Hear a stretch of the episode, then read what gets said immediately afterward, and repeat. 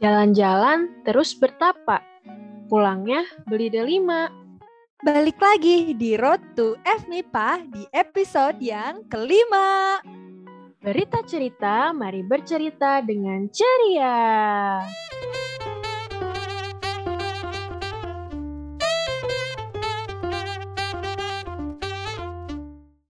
Halo Kema MIPA. Nah, ketemu lagi sama aku Caca dari FMIPA 2019 dan tentunya partner aku.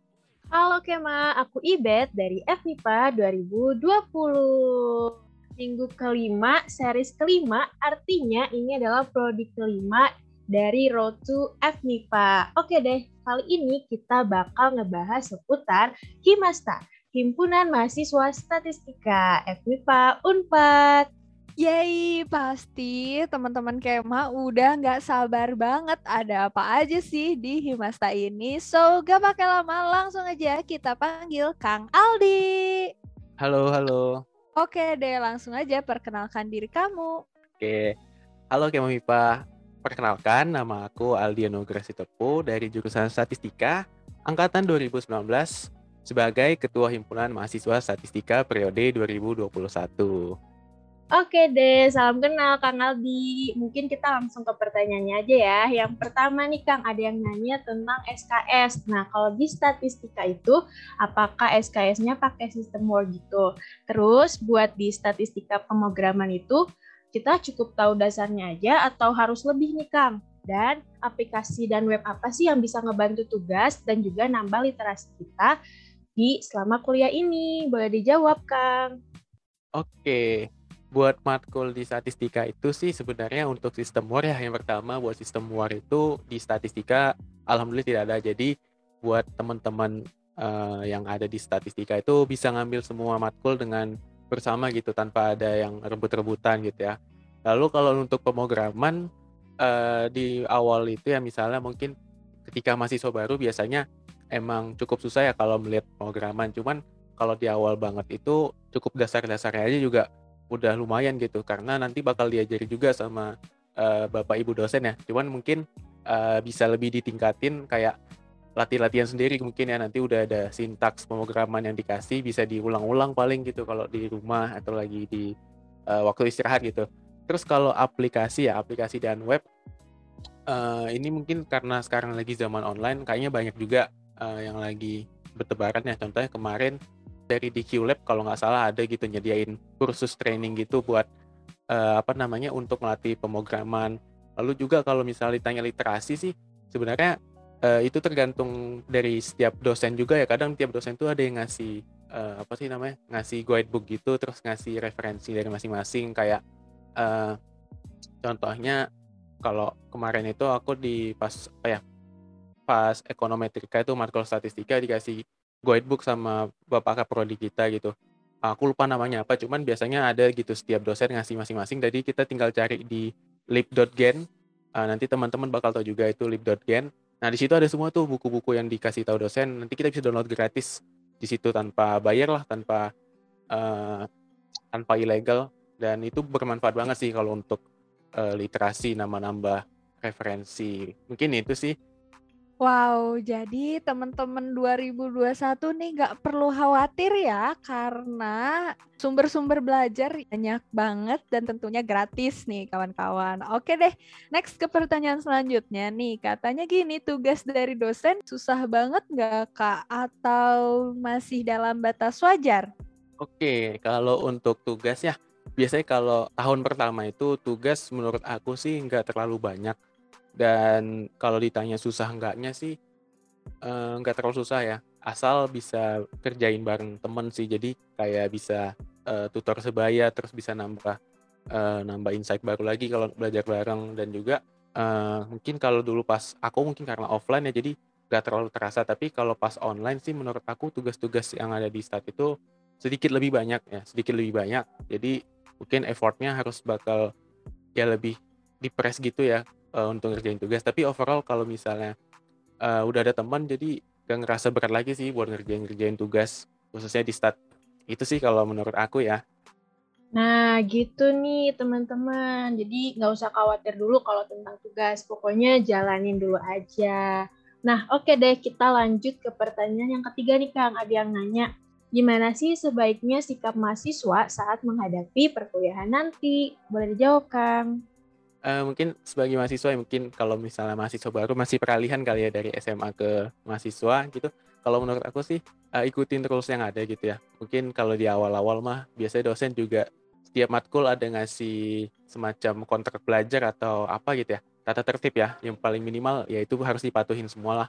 Setidaknya mungkin kalau memang mungkin tidak bisa mati semua jangan dilanggar lah satu uh, minimal satu gitu dari tata tertibnya. Terus juga uh, kalau misalnya nggak tahu ya silahkan tanya aja gitu. Misalnya ada waktu dan ada kesempatan jangan malu-malu gitu sungkan untuk bertanya. Karena ya mungkin kalau kita yang nggak aktif gitu kalau kita dulu pas SMA disuapin gitu ya bahasanya. Kalau di mahasiswa mungkin lebih lebih kita yang aktif gitu harus nyari tahu lebih gitu dibanding apa yang dosen berikan gitu ya. Dan kalau itu semua udah diikuti sih sebagai mahasiswa harusnya aman aja sih kalau di akademiknya ya.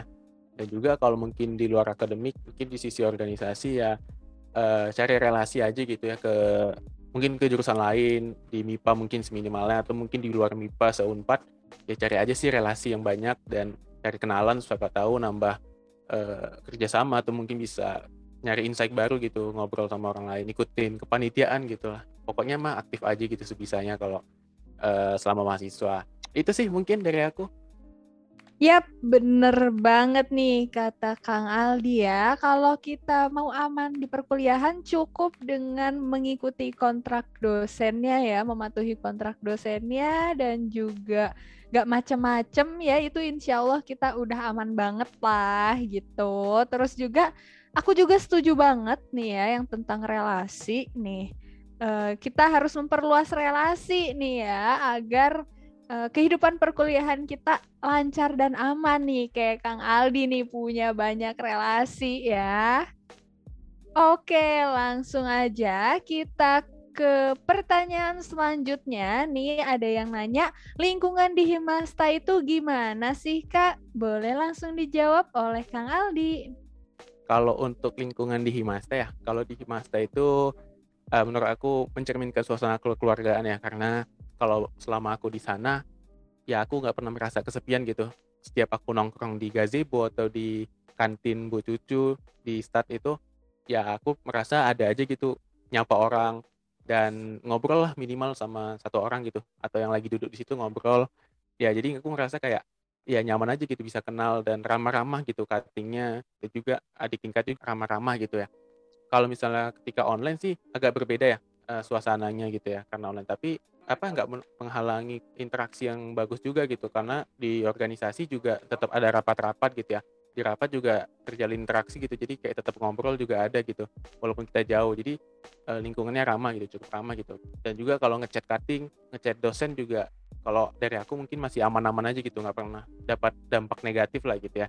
Terus kalau UKM sih di Himasta itu ada ada UKM yang olahraga dan seni ya. Kalau UKM olahraganya itu pertama ada bos itu untuk uh, yang suka futsal terus juga ada UKM statis itu untuk teman-teman yang suka badminton.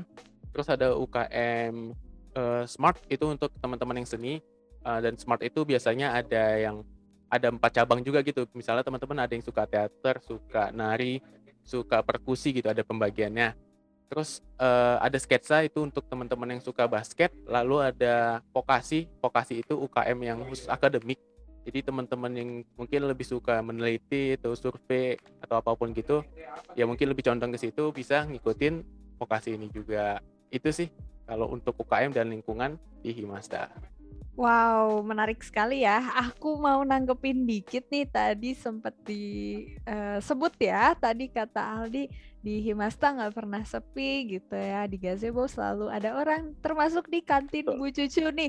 By the way, ini ini sedikit fun fact ya. Kantin Bu Cucu ini kantin terkenal seunpat ya, kawan-kawan.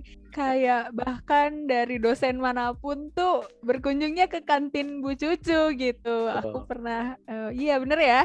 Oke deh, uh, sedikit fun fact tentang Bu Cucu. Mungkin langsung lanjut, Ibet.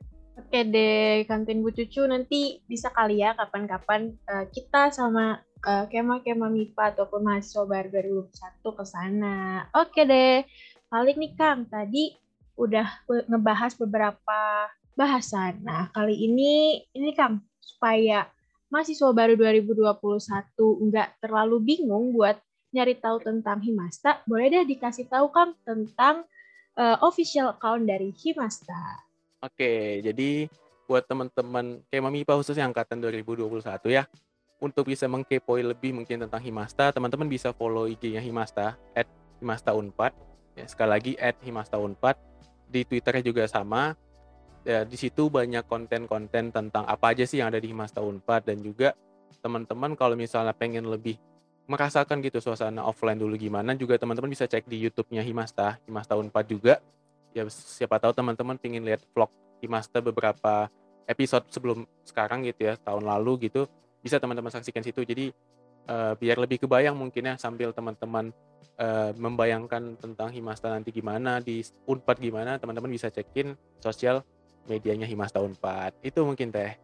Wih, keren. Boleh banget tuh di stok-stok si official account dari Himasta. Oke deh Kang, mungkin nih terakhir banget dari Kang Aldi, boleh deh disampaikan pesan-pesan buat mahasiswa baru 2021.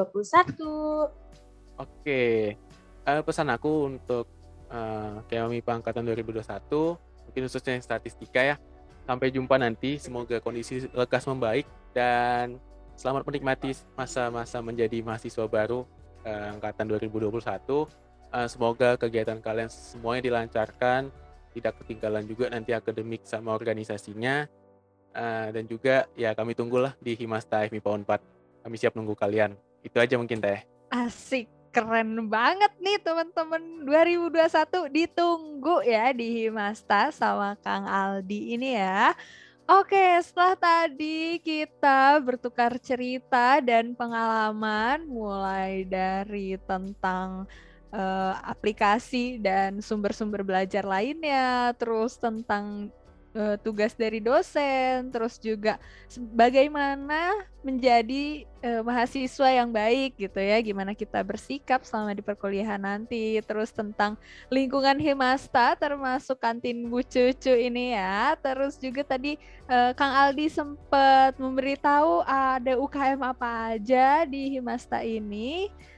Terus termasuk juga tadi official account dari Himasta ya teman-teman jangan lupa stok official accountnya untuk mencari tahu lebih lanjut lagi tentang Himasta bersama Kang Aldi. Tadi kita udah membahas semuanya. Semoga Kema Mipa selalu menjaga kesehatannya di kala pandemi ini dan kita semua selalu diberi kesempatan untuk bertemu saat offline nanti ya. Sekali lagi selamat untuk keluarga baru yang sudah berhasil masuk FMIPA Unpad. Yeay, selamat. Dan kita juga mau ngucapin terima kasih banyak kepada Kang Aldi yang udah nemenin kita berdua, Kema, dan juga mahasiswa baru 2021.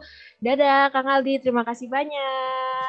Oke, dadah. Terima kasih juga Teh Ipe dan Teh Caca. Oke deh, gak lupa juga nih kita mau ngucapin terima kasih banyak juga buat yang udah dengerin podcast kita kali ini nih, baik Kema maupun mahasiswa baru 2021. Dan jangan lupa juga buat follow Instagram kita dan juga Spotify kita di @beritacerita05. So, see you on next episode, teman-teman MIPA. Berita cerita, mari bercerita dengan ceria.